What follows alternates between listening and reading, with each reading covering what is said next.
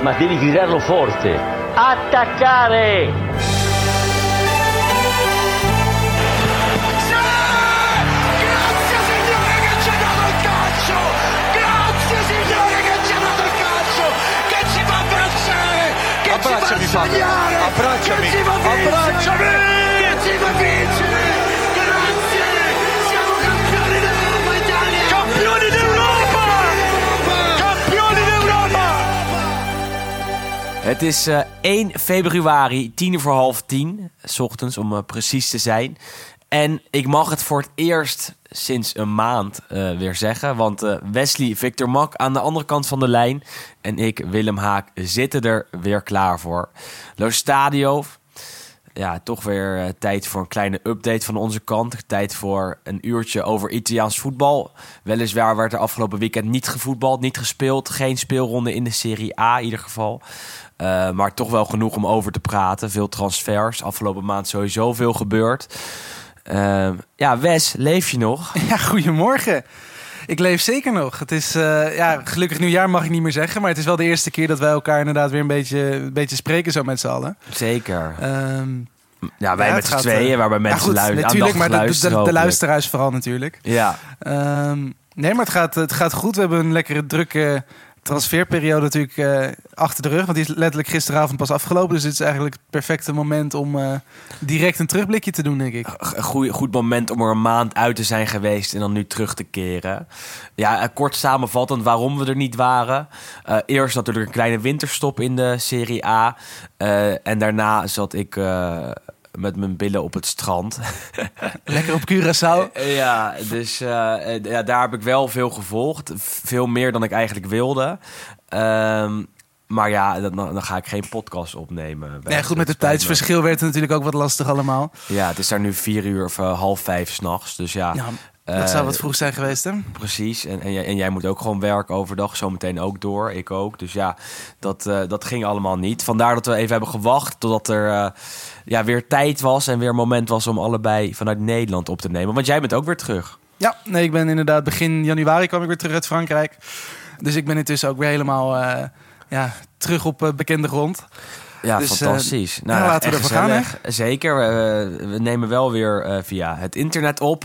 Dat gaan we de rest van het eh, seizoen doen. Dus ja, wees voorbereid. En veel te bespreken, Wes. Veel te bespreken. Waar wil jij beginnen? Bij de transferperiode van Juve of bij andere clubs? We gaan het even een uurtje over die Mercato hebben. Maar, waarbij Juve toch wel de grote overwinnaar was, als we, als we heel eerlijk zijn, denk ik. Ja, ik denk wel dat als je inderdaad naar alle Italiaanse ploegen kijkt, heeft natuurlijk Juve, of misschien zelfs wel Europees gezien, hè, heeft Juve wel echt de beste transferperiode gehad. Ehm, terwijl het eigenlijk er totaal niet uitleek dat er überhaupt iets zou gaan gebeuren. Want, ze ook eh, aangekondigd, toch? Het was ook, het was ook echt aangekondigd. Nee, het was natuurlijk sowieso. eh, nou, eigenlijk eind december volgens mij al werd er, werd er regelmatig wel genoemd van ja, goed, transferperiode, het zal rustig zijn. We verwachten geen, eh, zoals ze dat in Italië mooi zeggen, bomben. Dus we verwachten geen, eh, geen grote knallers. En eigenlijk ook nog dit jaar zelfs, want volgens mij twee weken geleden eh, de persconferentie van, eh, van Max Allegri, volgens mij voorafgaand aan eh, de wedstrijd met Milan. Die zat daar op zijn stoeltje natuurlijk.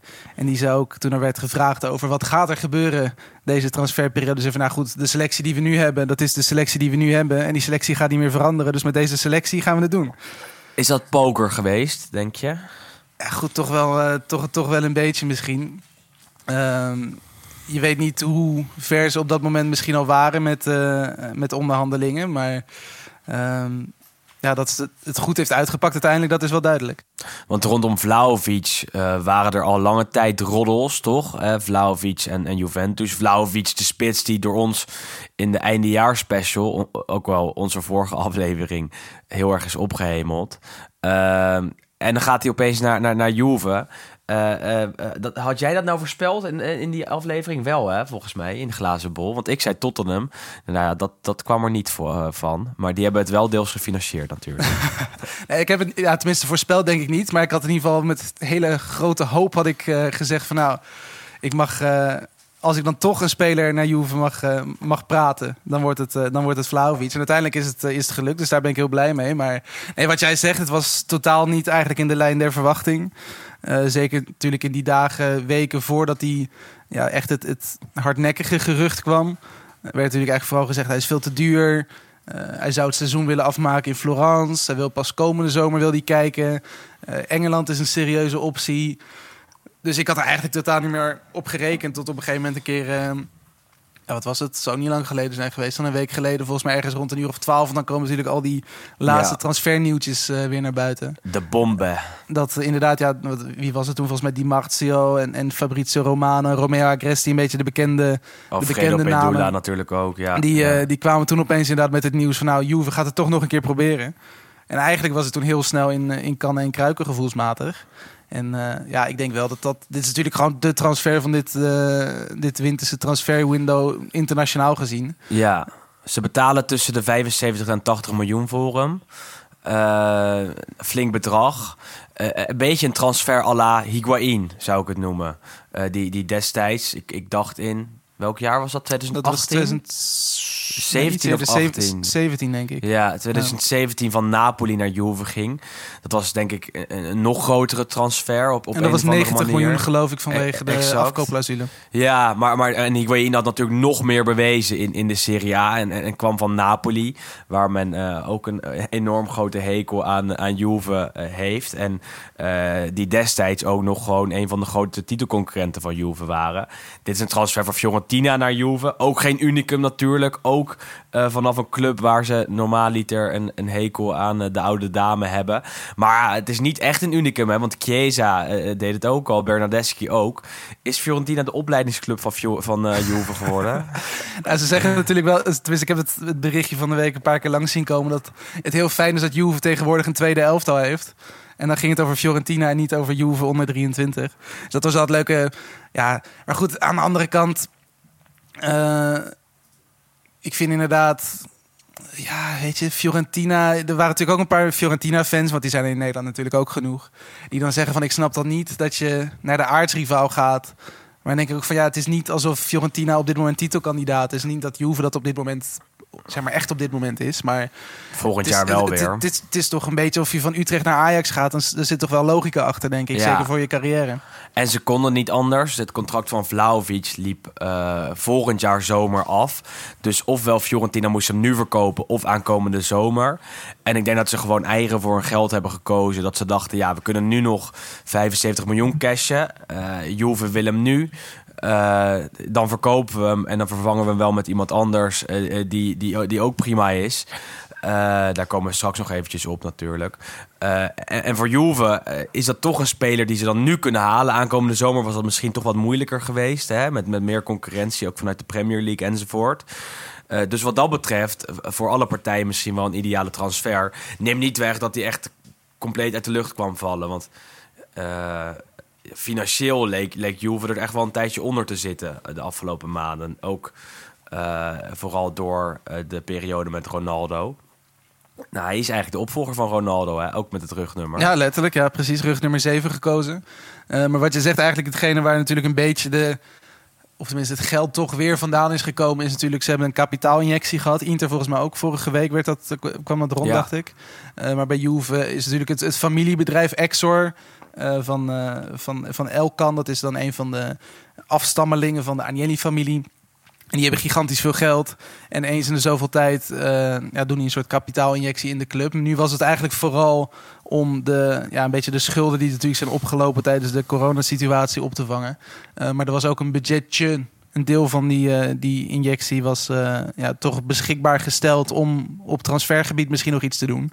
Ehm, en dat is nu natuurlijk zeker gedaan, want naast eh Vlaovic is ook eh Zakaria eh, binnengehaald. ja. Ehm, middenvelder van Borussia Mönchengladbach. Die was ook eigenlijk aankomende zomer transfervrij. Dus daar zaten ook heel veel ploegen achteraan. Barcelona werd genoemd. Nog een paar andere. Italiaanse ploegen. Bayern München. Ehm, maar die is nu eigenlijk ook relatief goedkoop natuurlijk richting Turijn gekomen. Want daar betalen ze volgens mij in totaal 7 miljoen inclusief bonussen Ja. voor ongeveer. Ehm, en ja, Toch lekker. Nee, zeker. En, en je hebt opeens voor je gevoel heb je eigenlijk op twee plekken waar er echt wel een verbetering nodig was. Natuurlijk, en in de spitspositie en op het middenveld heb je nu toch opeens wel weer een, in ieder geval zeker in de spits een grote naam en op het middenveld een veel betrouwbare naam. Ja, Want alle- Zakaria is, is, is een eh, controlerende middenvelder. Hè? Ja, een beetje, tenminste, ach, hij kan op 6 en op 8 kan hij spelen eigenlijk. Ja, Ehm, hij heeft ook bij Gladbach een paar keer centraal achterin gestaan, maar dat was meer een beetje uit, eh, uit nood.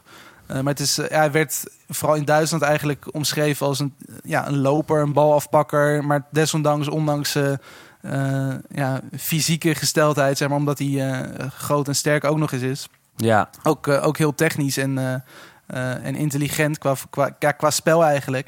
En het is, het is vooral eigenlijk mooi om te zien dat het dus inderdaad Allegri zich niet echt kon vinden. Misschien in de ploeg die eh, er stond natuurlijk in de jaren dat hij weg is geweest. Onder Sarri en Pirlo hebben ze, ja, is Juve toch voor iets andere spelers gegaan. ja. Eh, natuurlijk iets minder fysiek, iets ja, kleiner, technischer natuurlijk met, eh, met bijvoorbeeld een Ramsey en een, en een Arthur.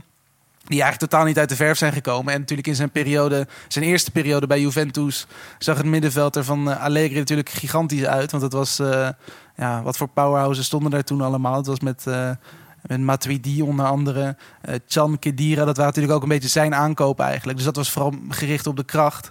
En dat Ja. lijkt nu met Zakaria weer een beetje, een beetje terug te komen.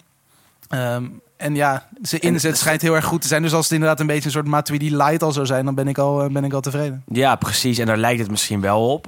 De, de, de- nou, de- zoals je zegt, de zwakke plekken eh, toch een beetje geadresseerd, toch een beetje versterkt. Eh Juve nu 11 punten achter op, op Inter. Eh, Inter dat wel een wedstrijd minder heeft gespeeld. Nou ja, titelkandidaat worden ze niet meer dit jaar. Hè? Nee, dat denk ik ook niet. Nee, het is zeker. eh, Dat, dat is natuurlijk ook, want jij zei dat volgens mij vorige week ook een keer toen die, eh toen die Vlaovic transfer doorging. Van wat dan de club ertoe heeft bewogen om dan nu toch zo flink nog te gaan investeren. Ehm, en dat is natuurlijk wel een interessante, interessante vraag waarom ze dat dan nu wel doen en bijvoorbeeld afgelopen zomer een stuk minder. Ehm, ik denk echt dat die de angst hebben dat ze die Champions League toch mis gaan lopen. Zeker natuurlijk omdat het huidige seizoen ook nog niet, gewoon echt nog niet goed genoeg is. Ehm, en Je dat wil garanties, toch? ja, Daar precies. komt het en op dat neer. ze nu inderdaad alle zeilen bij willen zetten om in ieder geval dan die Champions League te halen. Want ook dat is natuurlijk heel erg belangrijk met het oog op ja, eventuele transfers in de zomer, eventuele contractverlengingen. Als En je geld kijkt naar verdienen. Dybala bijvoorbeeld. Ja, Het is een makkelijke bron van inkomsten natuurlijk. Dus dat is ook eh, zeker mooi meegenomen voor de club. Dus het is inderdaad wel interessant om te zien dat er nu een, toch een andere keuze is gemaakt om dan halverwege het seizoen te investeren. Want dat is natuurlijk ook iets wat eigenlijk gevoelsmatig Juve niet heel vaak doet in de winter. De laatste was natuurlijk, eh, volgens mij, Kulusevski kwam toen, eh, eh, ja, wat is dat dan? Twee jaar terug.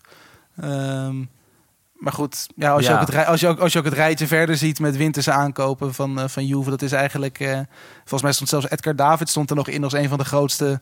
Dus dat zegt wel genoeg hoe actief ze de laatste jaren zijn geweest. Ehm, maar goed, ja, ik denk zeker als je inderdaad een cijfer moet geven, ook aan de transfermarkt nu van, Ju van Juve, ga je toch wel makkelijk richting de 9 of de, of de 10 misschien zelfs.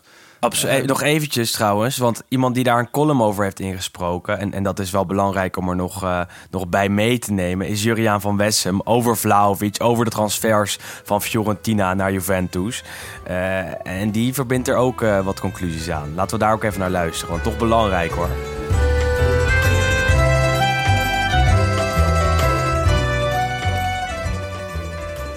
Dusan Vlahovic blijft behouden voor de Serie A. En dat is voor de competitie eigenlijk wel een meevaller. In feite heeft Juventus de echte vervanger van Cristiano Ronaldo gevonden. Het lukte door het late en ook laffe vertrek van de Portugees niet om in de zomer een opvolger te vinden. Maar uiteindelijk heeft de Juve-leiding dit toch wel knap gedaan. Het was nu eenmaal onmogelijk om Vlahovic in augustus te halen. Dat zou in Florence gewoon niet zijn gepikt. Dan had Rocco Commisso meteen zijn biezen moeten pakken. Het vertrek van Vlahovic roept natuurlijk herinneringen op en snijdt oude wonden open. In Florence vinden ze het nu eenmaal niet fijn wanneer hun eigen talenten worden weggekaapt door de andere machthebbers.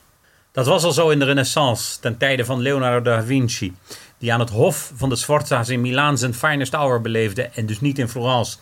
En met eh, Michelangelo, die het hof van de Medici's inruilde voor Rome en het Vaticaan voor het vervaardigen van zijn meesterwerk in de Sixtijnse kapel. In het voetbal zijn er ook talloze voorbeelden en altijd leidt dit tot grote onrust in de metropool aan de Arno. En echt niet alleen bij spelers die voor Juventus kiezen. Dat staat er zelfs los van. Toen Kurt Hamrin, de Zweedse wonderspits in 1967, vlak na de watersnoodramp in de stad koos voor AC Milan, werd dat echt niet gewaardeerd. En toen vijf jaar later Luciano Chiarugi, een held van de laatste Scudetto, diezelfde kant op ging, leidde dat tot felle protest in de stad. De topscorer werd bij zijn eerste bezoek aan Florence genadeloos uitgefloten. Daarna kwam het tijdperk van Graaf Pontello en dat was eigenlijk de tijd waarin Fiorentina de koning van de transfermarkt was. Het haalde overal zijn spelers vandaan, als een kannibaal. Firenze Docet. Fiorentina miste in die jaren twee keer de kans op de derde Scudetto, maar had wel een prachtig team. Maar toen kort na die opleving de eigen talenten Nicola Berti en de Argentijnen Daniel Passarella en Ramon Diaz naar Inter gingen, werd dat wel degelijk als verraad gezien. Hetzelfde gold voor de transfers van Giovanni Galli en Daniele Massaro naar het Milan van Berlusconi. Je gaat immers niet weg bij Fiorentina om elders prijzen te winnen, luidde het motto in Florence. En als je vertrekt kun je maar beter naar het buitenland gaan, zoals de Zweed Glennie Seen die naar Liverpool ging, of coach Sven-Göran Eriksson die uiteindelijk van Fiorentina naar Benfica ging. Het meest beruchte voorbeeld blijft de transfer van Roberto Baggio. Hij was de lieveling van Florence geworden na het afscheid van Giancarlo Antonioni. Alle clubs zaten achter dit vanwege blessures fragiele megatalent uit Vicenza. Baggio had eeuwige trouw beloofd aan Florence, maar eigenaar Pontello wist dat dat een onhoudbare zaak zou worden. Juventus, dat in die jaren de tweede viool speelde, wilde hem graag halen voor de wederopbouw en het aangekondigde calcio champagne. De Florentijnen zagen erbij al hangen en wilden niet nog een eigen talent kwijtraken aan een Noord-Italiaans hof. Eigenlijk was de deal al rond, maar door een toeval of noodlot troffen Fiorentina en Juventus elkaar in de finale van de UEFA Cup. De wedstrijd kwam niemand uit. Juventus wilde trainer Zoff opzij zetten en had dus niets aan een Europese hoofdprijs. En Fiorentina kon moeilijk zijn sterspeler verkopen aan de tegenstander in de finale. En bij winst zou het Barjo natuurlijk nooit meer mogen verkopen. Vanwege incidenten in de halve finale moest Fiorentina de thuiswedstrijd in Avellino spelen. En uiteindelijk won Juventus de beker en de volgende ochtend maakten beide clubs de transfer wereldkundig. Baggio baalde dat hij de regie over deze deal kwijt was geraakt. Hij had een beetje gelogen voor de finale. Heel Florence ging de straat op. Pontello was al niet populair en verkocht de club meteen na deze deal aan cineast Cecchigori. Florence voelde zich verraden, maar door wie? Baggio, Pontello of gewoon Juventus? Het ging er tien jaar later bijna net zo fel aan toe toen Gabriel Battistuna werd verkocht aan AS Roma. Weer was Florence buiten zinnen, want Battigol paste in de ogen van de Florentijnen alleen in het paarse shirt. Het was naar Baggio weer een lieveling die de curva in de steek liet. En weer tien jaar later was Riccardo Montolivo de verrader, omdat hij AC Milan prefereerde boven een verblijf in Florence. Kortom, dat Bernardeschi, Chiesa en Vlaovic nu bij Juventus spelen is een bijzaak voor de Florentijnen. Deze drie hadden nooit mogen vertrekken. En waarschijnlijk krijgt de goedlachse Rocco Commisso de rekening van deze transfers gepresenteerd van de Curva Fiesole. Want spelers verkopen doe je niet als eigenaar van Fiorentina.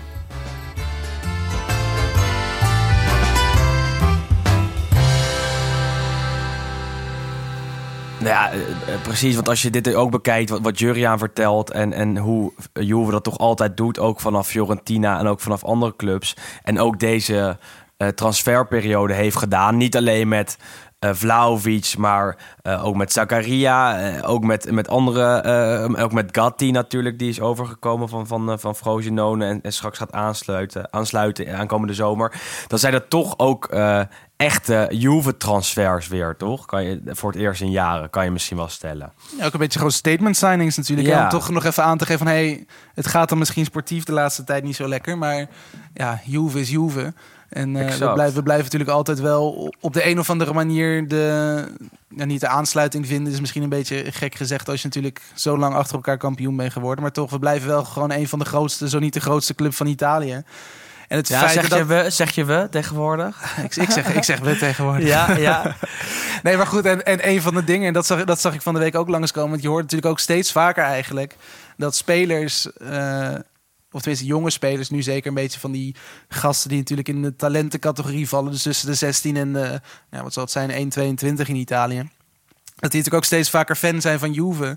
Terwijl je gevoelsmatig, nou, een jaar of tien geleden was iedereen fan van Milan of van Inter eigenlijk. Mhm. Ehm, en je ziet nu toch dat zeker door de periode, de succesperiode die Juve heeft gehad, dat er ook een hele generatie natuurlijk is opgegroeid met Juve is de beste club van Italië. En dat dat blijkbaar ook dus doorwerkt op de eh, ja, echt clubvoorkeuren van de spelers. Want bij Vlaovic werd ook gezegd, groot fan van Juve al vanaf, eh, vanaf jongs af aan.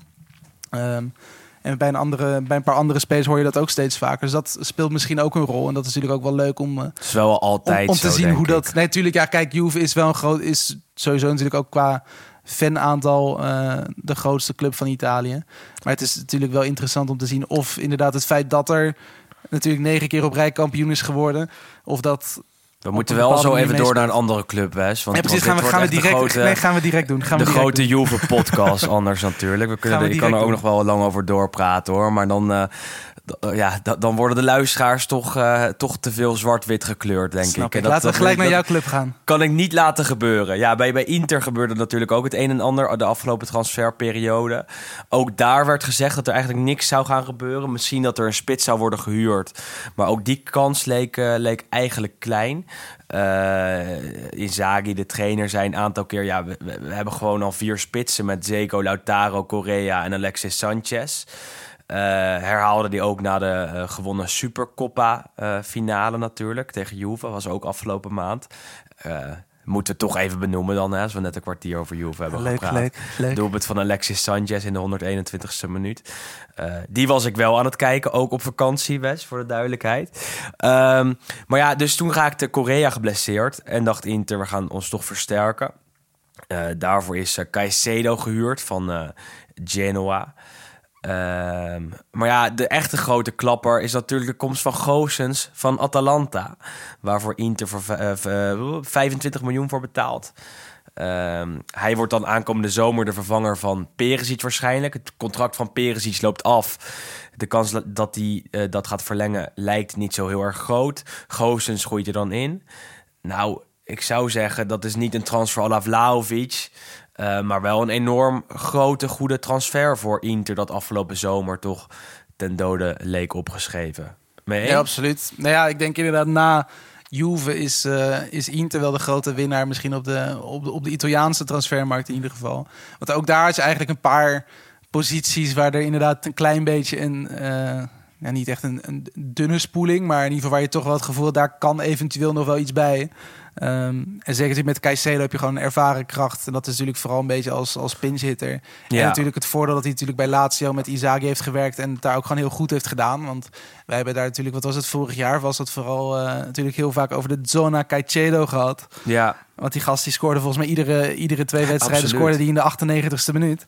Eh, dus dat is ook een kwaliteit. toch Eh, lekker om erbij te hebben. Want Nee, absoluut. Je, had met, met eh, Alexis Sanchez en Correa, die het vaakst op de bank zitten, waren dat vooral twee spitsen die, die een 9,5 zijn. Hè? Die geen echte spits zijn. En Caicedo is dat wel. Dat is wel iemand die, zoals Zeko, de bal kan vasthouden. En nou ga ik niet net doen alsof hij het verschil kan gaan maken. Maar hij is wel iemand die eh, die aanvalslinie sterker maakt. Die iets anders kan toevoegen dan die andere namen. En die een echte vervanger van Zeko is. En, en die was er tot nu toe niet. Dus wat dat betreft zou ik, als ik Inzaghi was... super tevreden zijn met, met de komst van hem. En zeker aangezien je hem ook kent. Eh, hij zal vast niet heel veel gaan spelen. Dat zal hij zelf ook wel weten. Nou ja, dan is het denk ik voor iedereen een, eh, een prima deal. Daarnaast ook de eerste Ecuadoriaan in de geschiedenis van Inter. Dat is ook al een mooie. Zeker, en, ja. En nog meer voordeel, want hij heeft natuurlijk net als Goossens tijdens die presentatiefoto die mooie Inter-trui van Montclair gekregen. ja, ja, Dus ja. dat is natuurlijk sowieso Staat weer, eh, goed. Staat zeven- hem goed. 700 euro geloof ik. Dus hij maakt er sowieso wel winst op. eh. Ja, die, ik, ik, die trui vond ik aan het begin nog wel mooi, maar uiteindelijk ben ik hem toch steeds lelijker gaan vinden, eerlijk Ja, ik, gezegd. vind, ik vind hem echt wel chic. Ik vind hem Ja? tof. Nou, Ja, want Dat, dat grote logo op, Ja, de, dat- dat- op, op, de, op de voorkant. Wow, ja, dat is ja. voor mij de dealbreaker. Ja, ja, ja, ja, dat kan ik me voorstellen. Nou ja, en Goossens, eh, dat is toch een, een, een transfer eh, die opvallend is. Goossens stond naar verluid ook in de belangstelling van Newcastle. Eh, Newcastle. Eh, die natuurlijk heel veel kunnen betalen. Meer dan Inter. Eh, wat, denk je dat dan voor hem de keuze is om, om, om dan toch naar Inter eh, te gaan? Ja, het zal toch misschien een beetje de, tenminste de wil om een prijs te pakken. Ik denk niet dat Newcastle binnen afzienbare tijd ergens bovenin mee gaat draaien, tenzij het de championship is. Ehm, dus Nee. ja, ik, ik snap het ook wel. En hij is natuurlijk ook gewoon, dat moeten we gewoon eerlijk in zijn. Hij heeft gigantisch goed op zijn plek in, eh, in Italië. Hij heeft natuurlijk bij, eh, ja, in Nederland, ja, wat was het, Dordrecht, Vitesse en, en Heracles zag niemand het eigenlijk. En toen ging hij plots naar, naar, naar Atalanta en daar speelde hij de sterren van de hemel. Ja, absoluut. Dus ik denk ook gewoon dat het voor hem heel slim is om eh, toch een beetje in diezelfde... Ja goed, tactisch is natuurlijk wel anders. Zeker nu tussen, tussen dit Inter en, en Atalanta. Maar ik denk zeker dat het voor hem ook gewoon heel erg fijn is om... Ja, in hetzelfde land te blijven, toch een beetje dezelfde omgeving. Ik, ik kan me ook heel goed voorstellen dat hij niet eens gaat verhuizen. Ehm, dat is natuurlijk ook gewoon fijne, fijne dingen voor iemand. ja. Het, het enige wat natuurlijk wel, het enige het puntje misschien is dat Goos natuurlijk best wel lang uitgeschakeld is geweest. Dit Dus hele nog- seizoen al dus dat, je, dus dat je eigenlijk nog maar moet zien hoe die terugkomt en op welk niveau dat is. Maar goed, als hij gewoon eh, het niveau van, van Atalanta haalt, dan heb je, heb je echt een gigantisch goede transfer gedaan, denk ik. Ja. Eh, Af, afgelopen jaren een van de meest beslissende spelers van Atalanta, denk ik. ja, absoluut. Volgens mij een van de meest scorende en assistende backs van, eh, van Europa ook in die Ja. periode. Dus dat zegt Ook genoeg. Vorig jaar vol- volgens mij door ons uitgeroepen tot beste linksback, linkshalf van Italië van de Serie A. Eh, dit jaar dan ja, veel blessures gekend. Alleen het is niet zo dat hij het volledig verleerd is. Tenminste, daar lijkt het niet op. Daar hoop je ook niet op als. Inter-supporter, precies. En, en dan heb je toch best wel wat oud-eredivisie-namen bij Inter. Met De Vrij natuurlijk, met Dumfries, met Goossens. Volgend seizoen eh, met, eh, met Onana. Dus wat dat betreft ook voor de, de eredivisie-liefhebber... Eh, we- weer een extra team om te volgen. Hè. Het is niet het enige team natuurlijk in Italië waar er oud eh eh, actief zijn. Maar bij Inter leren ze het wel een beetje. Het zijn er steeds meer, dus ook leuk om te zien. Tegenover de inkomende transfers ook het vertrek van Stefano Sensi natuurlijk. Die wordt verhuurd aan Sampdoria. Eh, ook opvallend uiteindelijk. Hè. S- eh, Zie niet per se nu. Maar als je het vergelijkt met twee jaar geleden. Toen hij bij Inter kwam. Het eerste half jaar super beslissend was. eh, fantastisch speelde. Echt de leider van het middenveld was. is dat toch wel tegenvallend. Heel veel geblesseerd geweest. Heel veel geblesseerd geweest. Ja. En, en daar ligt het ook echt aan. Denk je dat dat eh, een plek is waar hij weer zijn eh, carrière op het goede pad kan, eh, kan leggen? Ja ik, denk, ja, ik denk het wel goed. Kijk, het is bij hem letterlijk het enige wat er met, met Sensi moet gebeuren... is denk ik gewoon dat hij fit moet blijven. Dan kan hij letterlijk overal ter wereld spelen, denk ik. Want ook als je ex-ploeggenoten hoort over hem... zeggen ze van, nou goed, hij heeft echt de kwaliteit... om ook makkelijk bij een Barcelona of een Paris Saint-Germain eh, mee te draaien. Alleen het probleem bij hem is echt gewoon puur die fysieke... Ja, pijntjes altijd, ziek, zwak, misselijk... Ehm, Maar, maar zo breekbaar. Het, ja, het is was, echt een beetje de man van glas, hè? het, het was juist tijdens Sampdoria Inter dat hij eh, weer geblesseerd raakte dit jaar. Daarvoor werd hij nog wel ingezet door Inzaghi. Eh, toen ging hij een duel aan, echt een 50-50 duel. Raakte hij direct geblesseerd, waardoor Inter, dat al met 10 man stond, het duel met 9 man moest gaan uitspelen. Eh, ja, dat, dat is voor een trainer toch wel een dealbreaker, denk ik. Dat, dat iemand zo snel geblesseerd raakt, dat je op een gegeven moment toch denkt... ja, als ik hem erin breng, dan is het risico toch best wel groot... dat, we, dat ik straks weer moet wisselen of dat ik straks met een man minder sta. En, en, en dat eh, is toch wel iets wat, wat, wat moet veranderen. En wat hopelijk ook verandert als hij weer veel gaat spelen... en als hij weer echt veel de kans krijgt. Wat dat betreft is eh, Sampdoria misschien wel de goede plek. Sampdoria natuurlijk in moeilijkheden. Nieuwe trainer Ehm, ook daar, hè? Ja, zeker. Ja, maar daar komen we zo meteen nog op. Hè. Prima. we moeten Nee, toch een goed. beetje, een beetje structuur in aanbrengen. Want als we naar Inter kijken, naar, toch naar de, de, de absolute titelkandidaat... moeten we ook even naar de twee echte concurrenten kijken. Voorlopig zijn dat er twee, kunnen er altijd nog meer worden. Eh, laten we dan even beginnen bij eh, ja, de andere kant van de Navigli. Dat is eh, Milan. Ja, daar, is niks gebeurd eigenlijk. Kunnen we wel zeggen. Dat, valt toch wel tegen, want die hadden misschien wel een, een, een, centrale verdediger gewild of, een spits. Uiteindelijk kwam er wel een spits. Maar dat was een nieuwe eh Vlahovic. Niet, niet, niet iemand die er direct staat.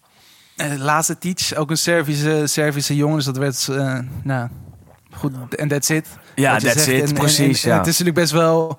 ehm, ja, eigenlijk vooral natuurlijk het feit dat Kier is natuurlijk uitgeschakeld. Hebben we het natuurlijk over gehad. Ehm, ze hebben natuurlijk de laatste wedstrijden eigenlijk ook met een heel ja, provisorische verdediging eigenlijk gespeeld. Waar natuurlijk ook eh Ballo Touré staat natuurlijk op de Afrika Cup. Eh, nog een paar blessures. Dus die speelde dan met, eh, wat was het, linksback Kalulu centraal achterin. En allemaal andere ja, bijzondere formaties hadden ze, hadden ze uit de hoge hoed getoverd. Maar je verwacht dan juist op basis daarvan eh, ja, dat er iets gebeurt. Alleen er gebeurde echt gewoon letterlijk niks op Nee. die Servische jongen na. En het kan best dat die, dat die Serviër er in dit seizoen misschien nog een paar inschiet hoor. Maar het is, het is natuurlijk wel opvallend dat zeker voor een ploeg die bovenin meedraait... en toch ook wel een paar keer voorzichtig misschien heeft uitgesproken... dat het ja, toch echt wil mee gaan doen om die, om die Scudetto... en misschien ook echt wel kampioen zou kunnen worden... is natuurlijk wel opvallend dat er eh, ja, zo weinig ambitie is misschien een beetje gemeen om dat te zeggen... maar ja, het is toch wel gek dat er zo weinig actie is ondernomen. Is het niet ook tactiek dat ze nu denken: oké, we kunnen kampioen worden, maar we hebben geen Europees voetbal. Dus met deze selectie redden we het misschien ook wel. Eh, die top 4, daar staan we al best wel stevig in. De kans dat we dat nog weggeven eh, is ook niet zo groot. Eh gokken ze dan niet gewoon dat ze met deze selectie eh, deze lijn kunnen doortrekken en dan aankomende zomer gaan investeren? Is, is dat niet de, de, de volgende lijn voor dit Milan? Is dat niet waarvoor ze hebben gekozen deze transferperiode? Want, want anders is het niet te verklaren. Ja, goed, dat zou inderdaad een goede, go- een redelijk goede argu- argumentatie zijn. Alleen het blijft natuurlijk wel een beetje, een beetje riskant. Want ik denk dat dat ook een beetje het idee was wat Juve had aan het begin van het seizoen. Van ja, goed, we zijn echt niet zo slecht dat we buiten de Europese plekken vallen. Uh, maar goed, op het moment van spreken staan ze nog steeds vijfde. Um, dus het kan natuurlijk ook zomaar nog misgaan. Zeker als de concurrentie zich wel versterkt en in dit geval Milan zich niet versterkt. Um, Goed, kijk, ze staan nu natuurlijk wel goed in die, in die top 4. Maar je weet niet wat er kan gebeuren. Zeker als je straks misschien nog wat blessures krijgt, nog wat schorsingen. Um, zou het zomaar kunnen dat die inderdaad echt nog ver terug gaan vallen. Want het is natuurlijk niet. Het was vorig seizoen natuurlijk ook dat, dat Milan. Uh, in ieder geval tijdens de winter heel goed stond nog. En dat die uiteindelijk ook nog best, best wel flink zijn, uh, zijn gezakt. Um, ja, ja, ja, ja, ja, Want als je naar de spits kijkt. Het is wel gevaarlijk, hè? Het is super gevaarlijk, want Ibrahimovic is dit jaar vaker geblesseerd dan hem lief is. Gaat waarschijnlijk ook de derby van aankomende zaterdag missen met een uh, Achilles pees blessure. Uh, en dan moet je toch weer terugvallen op Giroud, die er ook niet altijd is. Uh, en zo hebben ze best wel veel plekjes waar, waar er problemen zijn. Ook centraal achterin. Uh, Kier ligt eruit voor een langere tijd. Tomori mist ook mogelijk de derby van zaterdag. En dat, terwijl dat misschien wel de meest belangrijke wedstrijd van het seizoen is tot nu toe. Hadden ze Botman toch nu al moeten halen, misschien. Ja. Gisteren bij, uh, bij Rondo. nou ja, achteraf. Maar ja, gisteren bij Rondo uh, uh, van Ziggo Sport werd hij geïnterviewd. En toen zei hij wel, ja, Milan is geïnteresseerd. Ik zou het een mooie plek vinden. dus misschien is die transfer wel ook op handen. Hetzelfde geldt voor Renato Sanchez trouwens, ook van Lille.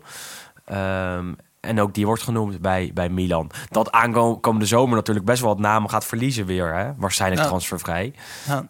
Ja, dat blijft maar, toch een beetje het, het repeterende verhaal daar natuurlijk. Afgelopen zomer natuurlijk Chalanoglu transfervrij naar de concurrent bij Inter, waar hij het heel goed doet. Donnarumma transfervrij weg, ondanks dat hij net Europees kampioen is geworden. Um, ja, dat zijn dan toch wel pijnlijke dingen. Want je zou toch juist zeggen dat je met zulke namen vooral uh, heel veel geld kan verdienen. Um, als je dan ziet dat bijvoorbeeld nu met die, bij Juve, die halen praktisch 60 miljoen op bij Kulusevski en Bentancur. Ja. En dan zie je daar tegenover dat deze zomer dan uit Milaan Kessie bijvoorbeeld weer transfervrij gaat vertrekken.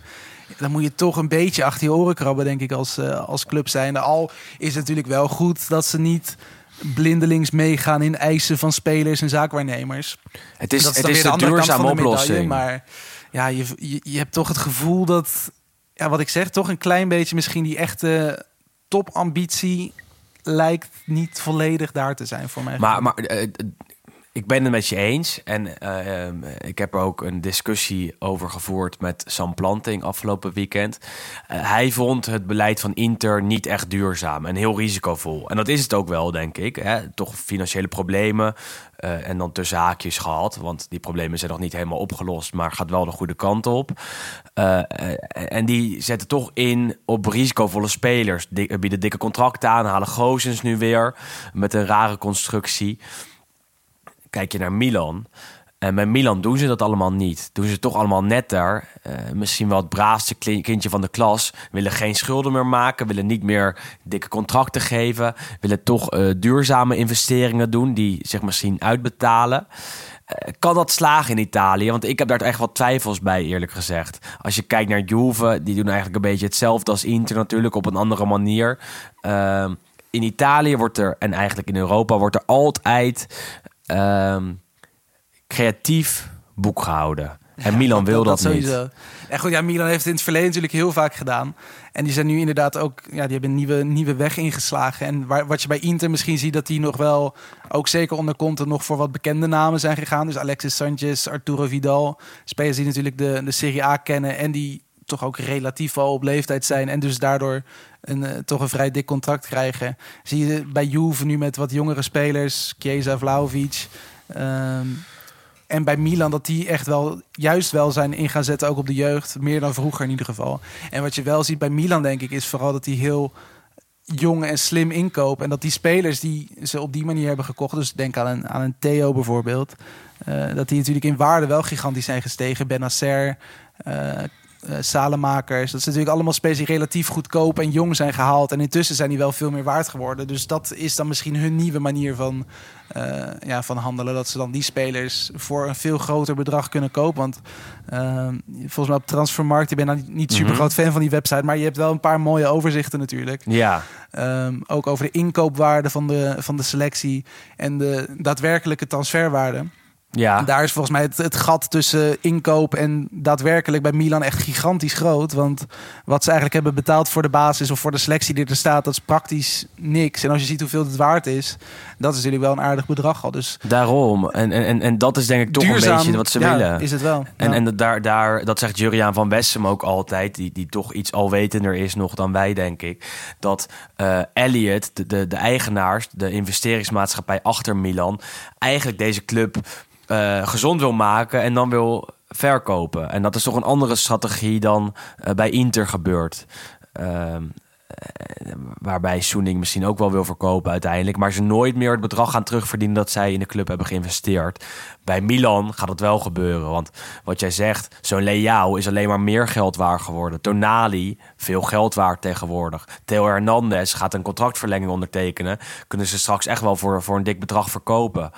Eh, en zo heb je toch wel veel namen bij Milan. En, en in mindere mate bij, bij Inter en bij Juve, denk ik. Wat toch de clubs zijn waar Milan naar kijkt, eerlijk gezegd. Hè? Wat betreft succes en wat betreft spelers. In mindere mate Juve tegenwoordig, denk ik. Maar Ja. eh, ja, dat komt wel weer. Eh, ja, Napoli, eh, daar gebeurde eigenlijk ook niks. Die, die hebben een verdediger gehuurd en dat zit ook. ja, ja. Goed, ook, 7 ook, ook United. daar eigenlijk bij, net zoals bij Milan, ook een beetje defensieve problemen. Ook veel blessures. Eh Koulibaly natuurlijk was op de Afrika Cup. Die komt natuurlijk wel weer spoedig terug. Maar ja, die hebben dus Axel Twanzebe van, van Manchester United gehuurd. Ja. En, en dat, ja, dat is het dan ook Was wel ook nodig. Was ook wel nodig, hè? Een extra mannetje centraal achterin. Alleen ook daar gebeurt eigenlijk weinig. Eh, ze, ze raakte Manolas natuurlijk kwijt aan de Olympiakos. Die speelde al heel weinig. Twan Zebe is dan zijn, eh, zijn vervanger. Maar voor de rest gaan ze het doen met, met dezelfde naam als eh, in de eerste seizoenshelft. Ook niet echt breed. Nee. Nou, ze hebben wel weer een nieuw shirt, dus goed. Ja, was nou de tiende of was nou de elfde? Het was volgens mij, tenminste ja, de tiende. Want volgens mij de, de, de paar websites en accounts die er elf van maakten... die rekenen De keeper-. Het keepershirt Ja, mee. Ja, precies. goed, dat vind ik wat ver gaan. Want Ja. ieder, dan, dan kun je zeggen dat iedere ploeg natuurlijk een extra shirt heeft. Precies, nee, nee, dankjewel. Want ik begon al te twijfelen. Ik had een tweetje eruit gegooid met 10 shirt. dat toen zei iedereen ja. opeens 11. En toen dacht ik, ja, dat het keepershirt, dat, dat ga ik niet meetellen hoor. Nee, Kom op, dat is, eh, dat is, dat is vals boekhouden eigenlijk. Dat, dat is echt vast, dat is gewoon fraude eigenlijk. Ja. Nee, maar goed, dus ja, het is, het, het is heel interessant om te zien dat natuurlijk eigenlijk de koploper en de ploeg die graag koploper wil zijn, investeren. En eigenlijk alles wat ertussen hangt, valt relatief mee. Want als je ook kijkt naar de Romeinse clubs, zijn er ook dan niet gigantisch veel investeringen geweest. Bij Roma. Nou, Roma wel, wel wat, Eh, toch? Zou ik Oliveira. zeggen. Ja. Dat, vind ik, dat, dat is wel een hele goeie. Die heeft natuurlijk zijn debuut gemaakt, al twee keer gescoord. Ehm, dat is, tenminste, ik weet niet of jij die foto, waarschijnlijk wel, hè? ook die foto voorbij hebt zien komen dat hij als eh, jochie van een jaar of zes, zeven eh, een handtekening komt vragen bij José Mourinho ergens in. Portugal op dat moment. Zo'n foto heb ik ook. En nu spelen ze samen. Ja, kijk, dat is, dat is prachtig. Misschien is er voor mij wel een toekomst bij Roma. Zou ik mooi vinden hoor. Ik heb ze alleen te hard afgekraakt afgelopen Sta jij op de foto met, eh, jaar. met, met Mourinho Nou, van vroeger? of? Nee, ja, met, eh, nou, ik moet het een beetje downplayen. Met een billboard van Mourinho. Daar ben Oh, ik ja. een jaar of vijf, Een zes. beetje downplayen. Ja. en daar sta ik dan te poseren voor, voor José Mourinho. Toen was ik al eh, fan van hem en dat is de, la- de jaren daarna alleen maar groter geworden. Je moet die foto wel even online gooien straks. Ja, dan, misschien wel. Ja. Kan niet ontbreken. maar ja, maar als je kijkt naar zo'n Sergio Oliveira, dat is toch wel iemand die voor Roma een goede aanwinst is. En die, die biedt toch kansen om anders te spelen. En dat, dat heeft hij ook gewoon gedaan in de wedstrijden die hij eh, heeft gespeeld. Eh, maakte al de winnende met een penalty tegen Cagliari, dacht ik. Eh, tegen Empoli ook hartstikke goed. Dus wat dat betreft is het toch een naam die, die iets kan betekenen bij Roma. En hetzelfde geldt voor Maitland Niles, denk ik. Die eh, de vervanger van, van Karsdorp is op, op rechts achter. Maar ook op links kan spelen. En dat biedt voor Mourinho toch weer mogelijkheden om iets aan zijn opstelling te sleutelen. Ehm, maar ja, of, of die ambities hiermee echt zijn waargemaakt en echt waar kunnen worden gemaakt, dat is ook nog maar de vraag. Zesde plek, toch wel de, de, de, de, de stek waar ze thuis horen, denk ik. Eh, en het zou me niet verbazen ook als ze zevende of achtste worden. Eh, heeft Mourinho dan goed gedaan? Ja, moeilijk. Lastig. Bij Lazio is de trainer ook ontevreden. Nou, nou ja, Enorm goed, daar, eh, ontevreden. Nee, daar ook vrij weinig gebeurt. In ieder geval als we kijken puur naar de transfer. Want die hebben gisteravond echt op de allerlaatste seconde volgens mij van de transfer deadline in Italië. Hebben ze nog een, eh, een aanvaller van, eh, van Sporting gehaald. Jovan en Cabral. Ehm, maar goed, dat is het eigenlijk ook wel. Ehm, maar het, ja, het is eigenlijk sowieso wel een hele interessante trend. Want je ziet toch wel een paar ploegen die heel actief zijn. Ja, Eh, ook als ik zeker kijk naar de degradatiekandidaten. Bij Genoa natuurlijk nieuwe trainer gehaald en een paar jongens. Bij Venetia volgens mij vier, vijf spelers. Salernitana heeft voor mijn gevoel een heel nieuw elftal gekocht. En je ziet dan toch dat zeker een beetje in de nou, ja, top, subtop... dat er vrij weinig is gebeurd. Ehm, en goed, ja, ook wat, ja, bij Lazio denk ik een beetje hetzelfde... als wat je kunt zeggen over Roma. Dat ja, de achtste plek waar ze nu staan... is het ook wel een beetje. Maar het zou ook zomaar nog eens iets lager kunnen worden. maar zij hebben ook heel veel spelers waarbij het contract afloopt aankomende zomer. Dus ja, eh, dan verwacht je toch dat ze iets doen deze transferperiode. Had Sarri ook verwacht naar verluid. Eh, en dan komt er eigenlijk niks. Sterker nog, er komen twee namen die hij eigenlijk niet wilde hebben. Dus ja, eh, dan ben je trainer van Lazio. Heb je al een aanval die erg dun is? Heb je al een verdediging waarbij er wat namen weggaan? Heb je al een middenveld waarbij je overhoop ligt met, met een paar namen? nou, mag je toch verwachten dat er iets gebeurt. En, en dat gebeurde bij Lazio toch helemaal niet. Eh, eh, zij, zij zakken toch wel steeds meer per seizoen terug naar de middenmoot. Eh, heb je datzelfde idee? Ik, ik denk, denk toch van, ze schurkten echt eerst tegen de top aan. Tegen de top 4. Natuurlijk nog een paar keer Champions League gespeeld. Misschien opportunistisch, maar nu zie ik ze toch echt meer als een top 8 club dan als een top, Ja. top 5, top 6, top 4. Ja, ik heb ze volgens mij in de, in de allereerste aflevering van dit seizoen heb ik gezegd, misschien is het wel een dark horse. Ja, Eh, ik was wel oprecht on- van ze onder de indruk in de eerste paar wedstrijden. Toen het, eh, tenminste, speelde heel aanvallend, zeg maar om Lazio-achtig. Eh, in die eerste, nou, wat zal het zijn geweest, drie, vier wedstrijden. Maar daarna is inderdaad wel echt heel snel bergafwaarts gegaan. Mede doordat eh Sarri natuurlijk met, met zijn spelers overhoop begon te liggen. mhm. Ehm, ja, het is nu inderdaad, ja, het, is- het is echt heel erg ver afgezakt. Ze staan achtste. eh, en, en ook daar zou het niet verbazingwekkend zijn als ze negen of tiende worden. Ze kunnen ook zesde worden als het weer gaat draaien. En als die aanwinsten toch wel iets blijken te doen. Eh, was nu niet echt, eh, is nu niet echt sprake van. Of in ieder geval gevoelsmatig helemaal niet.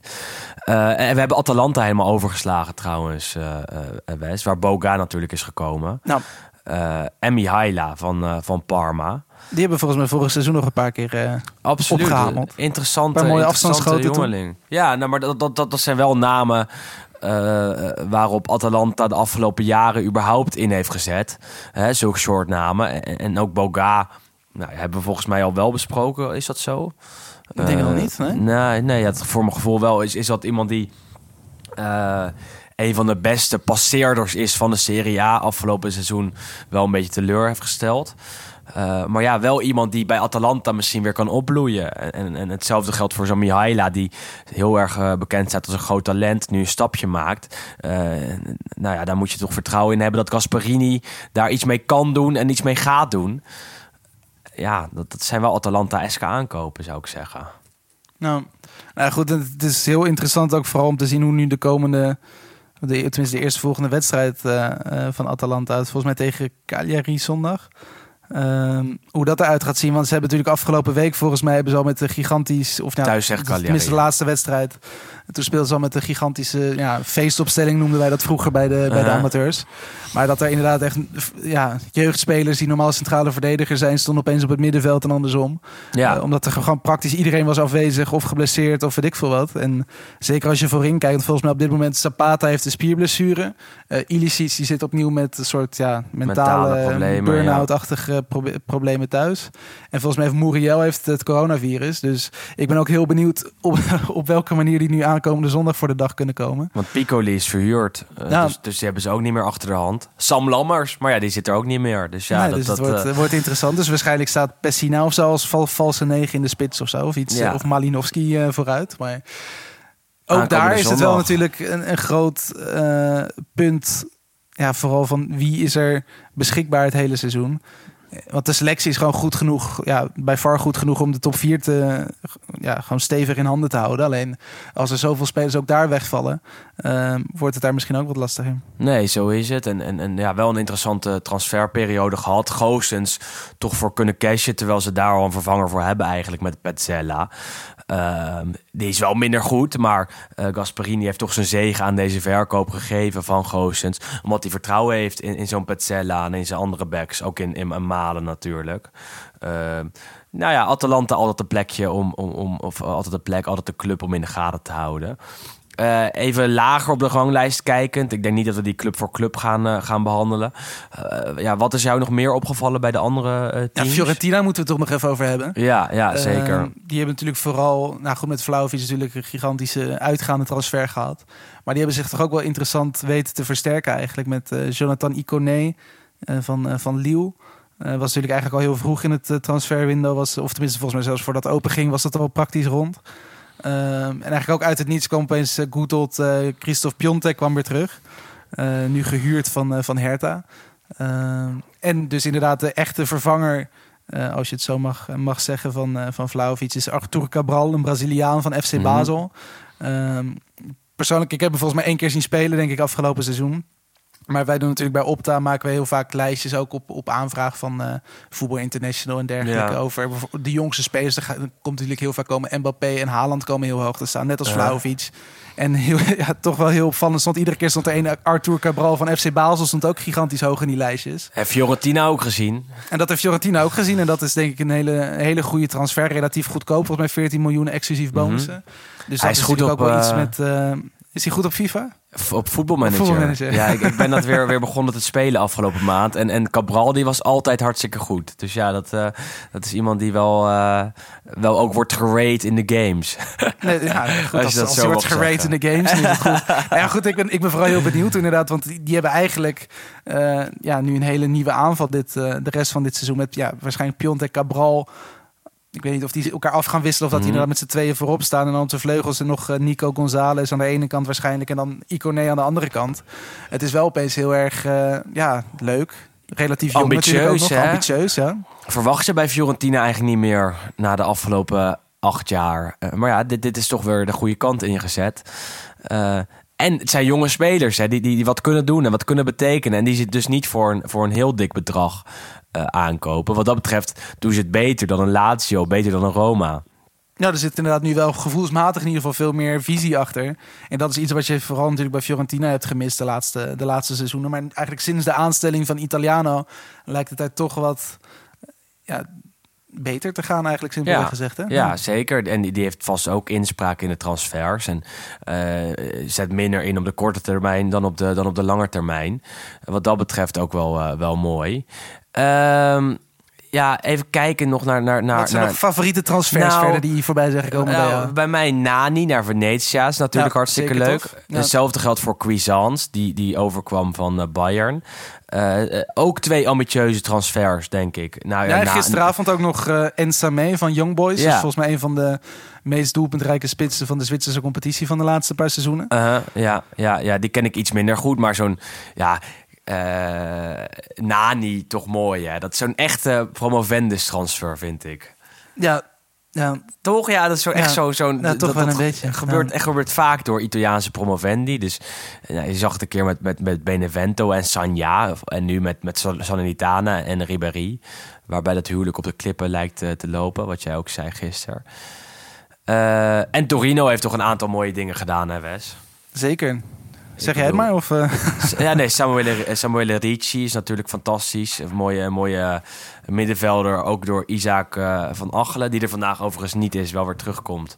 Eh, uitgelicht als, als een van de meest interessante middenvelders van het pas 20 afgelopen jaar, Ook pas 20 wordt eh, ja, echt beschouwd als een van de grotere Italiaanse talenten op het middenveld.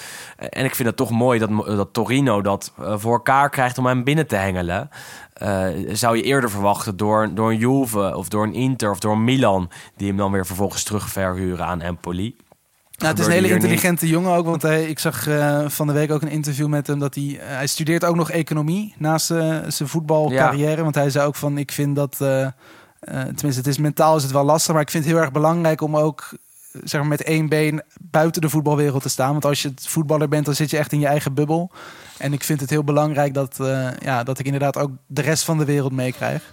En dat zegt denk ik ook wel genoeg over misschien de onderbouwing waarom hij naar Torino gaat. Ja, Eh, wetende dat hij daar natuurlijk veel meer kans op slagen tussen aanstekens of in ieder geval op spelen heeft. En hij gaat eh, met Juric werken. Ja, Als je met Juric gaat werken, dan heb je het toch goed voor elkaar. Ik bedoel, dat is een, midden, een, een, een, trainer die zijn middenvelders laat renderen. Heeft dat in het verleden met, met eh, Amrabat gedaan bij Verona. Doet dat nu ook met Pobega bij Torino. Gaat dat vast en zeker ook doen met Ricci bij, bij Torino. Eh, of ook bij Torino dus. Eh, nou ja, dat vind ik wel, wel- wel, wel leuk om in de gaten te houden. Ehm, ja, en Salernitana leek eventjes heel wat leuke transfers te gaan doen. Dat valt toch een beetje tegen uiteindelijk. Diego Costa viel, door, viel in het water. En Ribéry die waarschijnlijk, eh, of ja, misschien niet direct weggaat, maar die er toch ook een beetje de brui aan heeft gegeven.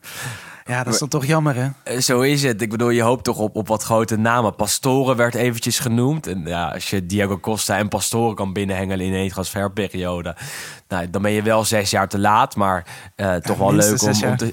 ja, zo is het. Ja, misschien wel langer. Ehm, maar ze hebben wel Verdi gehaald van Torino... wat een mooie voetballer is. Die zowel met links als met rechts vrije trappen kan, eh, kan nemen.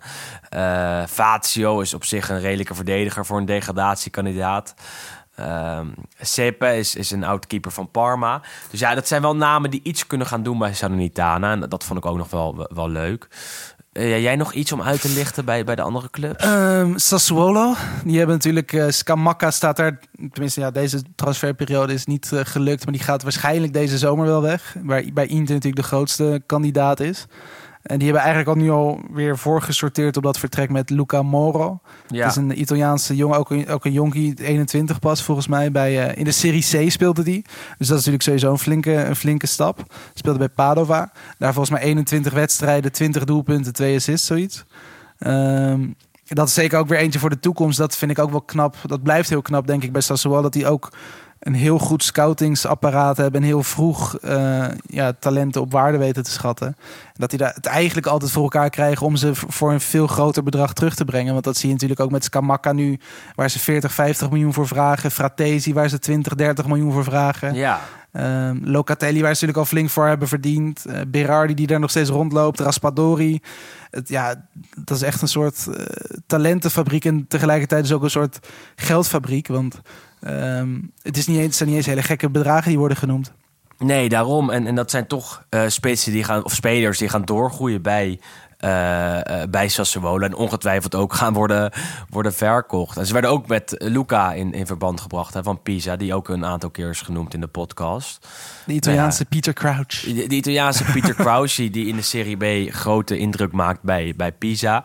Eh, ja, en ook dat is weer een typische Sassuolo-transfer, zou ik zeggen. Als dat in de toekomst doorgaat, is nu niet gebeurd. Een van de mooie dingen ook nog. eh, sorry dat ik even onderbreek. Nee, bij nee, Pisa, als, we daar, als we daar toch nog even in zitten. We kennen Pisa natuurlijk allemaal van de, van de, ja, de toren van Pisa. En die hebben nu dus een nieuwe spits gehaald. Die heet Torre Grossa. Of letterlijk Ah, betekent dat de grote toren. Fantastisch, dus, dus dat, ja. dat, dat is natuurlijk heel toepasselijk. En daarnaast Eh, een echte toren met, met Luca natuurlijk ook nog. Absoluut. Dus, ja. En ja, en daarnaast, ik ben ook wel benieuwd hoe Genoa het seizoen probeert te redden. Eh, natuurlijk een nieuwe trainer. Wat tenminste toch vrij, in ieder geval zeker voor de gemiddelde voetbalkijker, denk ik heel erg onbekende naam is. Alexander Blessin van, eh, van KVO Stende uit de Red Bull school. Maar die zit nu al nou, twee seizoenen zat hij in België. En dan nu ja, opvolger van Shevchenko, die natuurlijk heel snel weer werd ontslagen. Ehm, En die hebben eigenlijk vooral ingezet op de jeugd. Die hebben Kelvin Jeboa, een groot talent uit... eh of tenminste een Italiaan, maar die voetbalde in Oostenrijk... hebben ze binnengehaald. Ze hebben Goedmondson van AZ eh, gisteren nog gehaald. Eh, van Brunby, Morten Frendroep... die ook heel goed staat in alle statistieken daar in die competitie. Ehm, maar goed, ja, wat jij eigenlijk zegt... Dat, ze lijken zich een klein beetje op te gaan maken voor Ja. de Serie B. Want het zijn inderdaad niet spelers die er direct staan. Ehm, De Belgen waren hier wel lastig. heel, fe- heel fel op hoor. Ik heb allemaal appjes gekregen over ja, Alexander Blessing is, wel echt een goede trainer. Ja, ik, ik kijk. Jij kijkt nog wel Belgisch voetbal, ik niet. Dus het was een kortzichtig tweetje. Ik, ik had getweet inderdaad dat Genoa zich met deze aanstelling opmaakt voor de Serie B.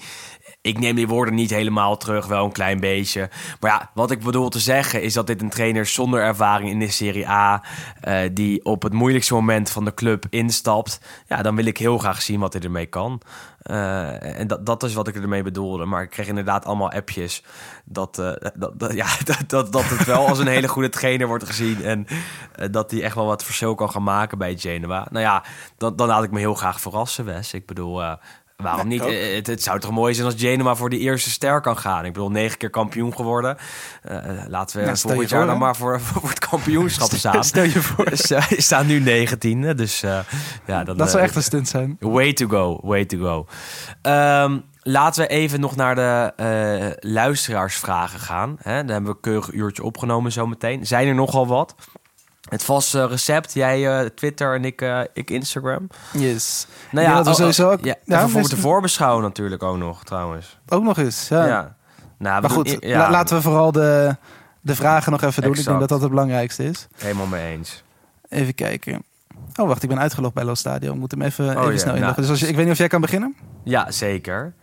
Ehm, even kijken. Ja, wat was de allerbeste transfer van de afgelopen Mercato? Ehm, ja, ik, ik, ik zou dan toch zeggen Vlaovic. Ehm, vooral, tenminste kijken naar zijn cijfers natuurlijk. En ook omdat daar natuurlijk bij Juve echt wel een, een, een- ja, het zwakke punt is. Maar eigenlijk ja, direct daarachter zou ik dan toch wel Gozes zeggen. Wat Ja, voor mij echt wel een... Ja, goed, ja, jij zei volgens mij over Vlaovic dat ook een beetje een jaloersmakende transfer is. absoluut. Dat, dat heb ik bij Gozes toch ook wel. Want ik ben zeker die eerste, ja, bij, bij, Atalanta natuurlijk die periode dat het, dat natuurlijk echt heel goed ging daar. Ja, het was echt fantastisch. Scoorde hij elke week voorzetten, doelpunten. Champions League natuurlijk ook nog eens. Ehm, ja, dat is denk ik toch wel een, eh, een van de spelers die ik ook graag bij, eh, of tenminste niet graag bij Inter zou zien. Nee, exact, ja. Ja, en bij Juve was het misschien een ander verhaal geweest... omdat het natuurlijk een beetje een linkshalf is. Ehm, en de meest interessante transfer van de afgelopen eh, periode? Ja, dat is, Vraag van eh, Marijn Rietbergen. dat is dan toch die, misschien wel die Federico Gatti is een beetje onderbelicht. Misschien omdat hij ja, speelt natuurlijk in de Serie B een verdediger. Ehm, stond ook in de belangstelling van, eh, van meerdere ploegen. En eigenlijk vooral Torino, totdat Juve opeens tussendoor kwam vliegen en hem oppikte. Eh, maar eigenlijk voor, ja, bij hem is vooral het verhaal daarachter. Hij is volgens mij nog niet eens zo oud, dus denk ik 3, 24.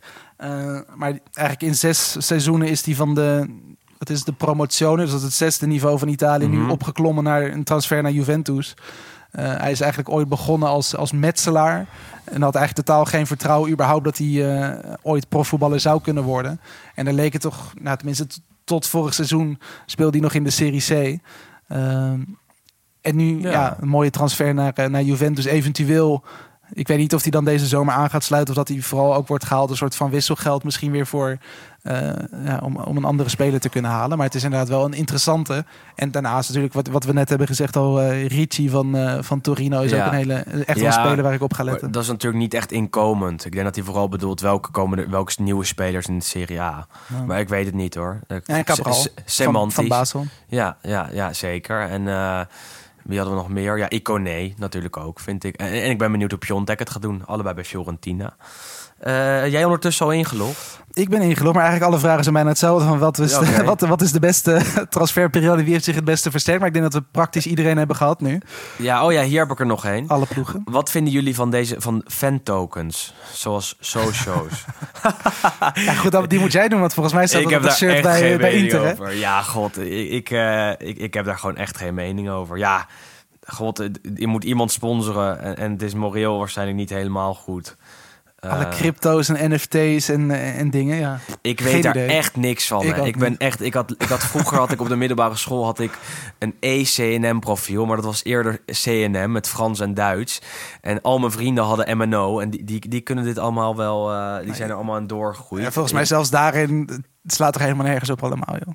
Nou ja, weet ik veel. Ja, ik, ik hoorde, ik heb vorige week heb ik eventjes naar eh 90 Minutes geluisterd. En daar eh, probeerde, eh, nou ja, ons, onze eigenlijke baas, Sam Kerkhoffs, probeerde het eh, uit te, te leggen. Maar ja, dat lukt helemaal niet in zo'n podcast. Ja, en mijn mening hierover, ja, die maakt ten eerste helemaal niks uit. Ten tweede denk ik van ja, dan moet ik eerst helemaal goed begrijpen wat het is. En, en, en, en nou ja, zolang er geen fans mee worden opgelicht, dan, dan vind ik het wel, Dat is wel belangrijkste. prima. Brozovic noemt zijn Twitter-account Brozo Crypto. Dus ja, misschien moeten we Marcelo Brozovic van Inter wel even vragen om uitleg. Die zal Ja, het wel het, weten. Het zou gezellig zijn. En veel voetballers zitten toch ook met NFT's en zijn er toch Ja, bezig. tegenwoordig wel, hè. Nou, Zie je allemaal van die, van die apenplaatjes op, eh, op Twitter en op de sociale media eh, langskomen. Ehm, nou, aankomend weekend, Wes, hebben we toch wel een lekkere speelronde voor de boeg. Eh, met als eh, absolute hoofdgerecht, denk ik, op zaterdagavond 6 uur Inter tegen Milan. Voorspelling, Kie? Je gaat niet meer, hè, of wel? Jawel, jawel, jawel. Toch wel? Ik- ja, ja, ik weet- nou weet ik het ook niet meer, hè? Kijk, ik moest afgelopen vrijdag moest ik kaarten halen. En eh, toen, toen was ik te laat, want ik was aan het werk. Toen waren er alleen nog maar kaarten voor de derde ring korte zijde. Dus die had ik snel in mijn winkelmandje gedaan en eh, afgerekend. Eh, alleen toen keek ik nog een keer en toen kwamen er toch nog betere kaarten beschikbaar. Een dag later. Verbazingwekkend genoeg. Ik weet niet waar, waardoor en waarom dat was. Eh, dus toen heb ik die nog gehaald. Toen had ik ineens vier kaarten, terwijl ik er maar twee nodig had. Eh, nu heb ik de andere twee verkocht. Dus eh, ik ga nog wel, zeker. Vrijdag heen, maandag terug, Wes. Lekker zeg. Weekendje Milaan. Jezus. Ja, ja, ja. ja. Ongelooflijk. Ik dacht nog misschien zondag ook nog naar een potje te gaan. Maar even kijken of dat, of dat gaat lukken. En Juve speelt nog thuis, hè? Precies, ja. En Atalanta Cagliari is natuurlijk ook Oh ja. leuk. Ja. en Napoli. Maar ik denk dat het bij één blijft. Misschien naar de Spa op zondag of zo. Ja, toch lekker. Groot gelijk. Eerst Je blijft, negatief er, je blijft er ook een luxe poes, hè? ja, zo is het. Ah, maar februari is een drukke werkmaand hoor. Dat eh, moet ik je wel nageven met de Olympische Spelen. Ehm, ja, en we hebben Juve tegen Verona natuurlijk. Venezia Napoli. Fiorentina Lazio. Genoeg om naar te kijken zou ik zeggen. Leuke potjes. Zeker. En we moeten toch nog even... Ja, triest nieuws vanochtend, want eh, Maurizio Zamparini overleden. Eh, ja, En dat is toch gevoelsmatig voor mij ook een van de... eh, misschien niet de reden, maar toch wel een van de mensen die me toch ook een soort ja, verliefdheidsgevoel op de Serie A heeft weten te geven, ondanks zijn gekke fratsen. Juist vanwege het feit dat hij natuurlijk zo bizarre eh, beslissingen maakt op trainersgebied altijd bij Palermo. Ehm, want volgens mij staat hij zelfs nog steeds in de, in- in de beschrijving van onze podcast. Natuurlijk de wekelijkse trainersontslagen staat daar volgens mij in. is hij Ja, de dat, man dat, dat is eigenlijk gebaseerd op eh, ja, Zamparini. Ehm, vannacht helaas eh, overleden, 80 jaar. Was, eh, had volgens mij eind vorig jaar werd hij geopereerd aan een buikvliesontsteking. En toen kwamen er complicaties bij. En uiteindelijk is hij, eh, is hij daaraan overleden. Sowieso een beetje een treurig einde van zijn leven. Want vorig jaar is zijn zoon overleden. Ja. Ook heel plotseling in, in Engeland ergens. Nu gaat, eh, nu gaat hij. Het is, Ja, ja, ik verwacht dat vanuit alle ploegen vandaag wel een, een bloemetje en een ja, condoleance eh, richting Palermo zou gaan. Want het is toch een van de meest kleurrijke figuren uit de Italiaanse voetbalgeschiedenis. Absoluut. Vroeger natuurlijk bij Venetia, maar vooral natuurlijk bij Palermo is hij echt... ons, eh, eh, voor ons voor bekend Pal- bij. Palermo toch? Ja. Ik bedoel met die selecties nou, met Balzaretti, Pastore, Micoli eh enzovoort. Cavani, Tony, Cav- Dybala. Ja, Sirigu. Ilicic. Ilicic. natuurlijk niet te vergeten. Ja, dat, hij is dat toch de man, de man geweest die daar verantwoordelijk voor was. Ook met een heleboel trainers. Die Ja, gaan we meer, niet allemaal meer, dan- meer dan opnoemen. 40. meer, meer dan 40. Eh, maar hij is toch 80 geworden. En ik denk dat dat een mooie leeftijd is, eerlijk gezegd. Ehm, nieuws kwam wel inderdaad een beetje als een verrassing vanochtend. Eh, wat dat betreft eh, ja, eh, zien we toch minder kleurrijke figuren in het Italiaanse voetbal tegenwoordig, denk ik. Voor de competitie misschien goed, maar voor het verhaal is het misschien Ja. iets minder. Gisteren Maar, trouwens werd de Quagliarella 39. Ook nog wel het vernoemen waard. 39. Ik was echt wel verbaasd daarover, eerlijk gezegd. En Koran Pandev, Die gaat ook nog naar even, die gaat ook nog even door. Hè? Die, ja. Ja. dat is een Serie B-transfer, dus die hebben we nu even niet meegenomen. Maar Dan hebben we alles benoemd, Wes, denk ik. Ja, Echt bijna alles. Als mensen dan nog vinden dat we niet alles hebben behandeld in het uur... moet je ons het vooral laten weten op Twitter, op Instagram, op, op, op nou, Facebook. echt ons best gedaan. zijn we iets minder toegankelijk, WhatsApp. Eh, laat ook vooral even een recensie achter. Eh, ja, we waren er maar niet, maar de komende periode zijn we er wel gewoon weer op vaste basis. Tenminste, dat gaan we proberen als er geen gekke dingen gebeuren. Vooralsnog, eh, en zeker voor nu, bedankt voor het luisteren. Het was weer leuk. Wes, dankjewel voor je ja, aanwezigheid. graag gedaan. Jij ook, hè? En eh, altijd een eer hoor, altijd een eer. Heel veel Juventus vandaag, daar gaan we verandering in brengen. Het is goed, joh. Het is goed. We zullen wel zien. Tot de volgende. Tot de volgende.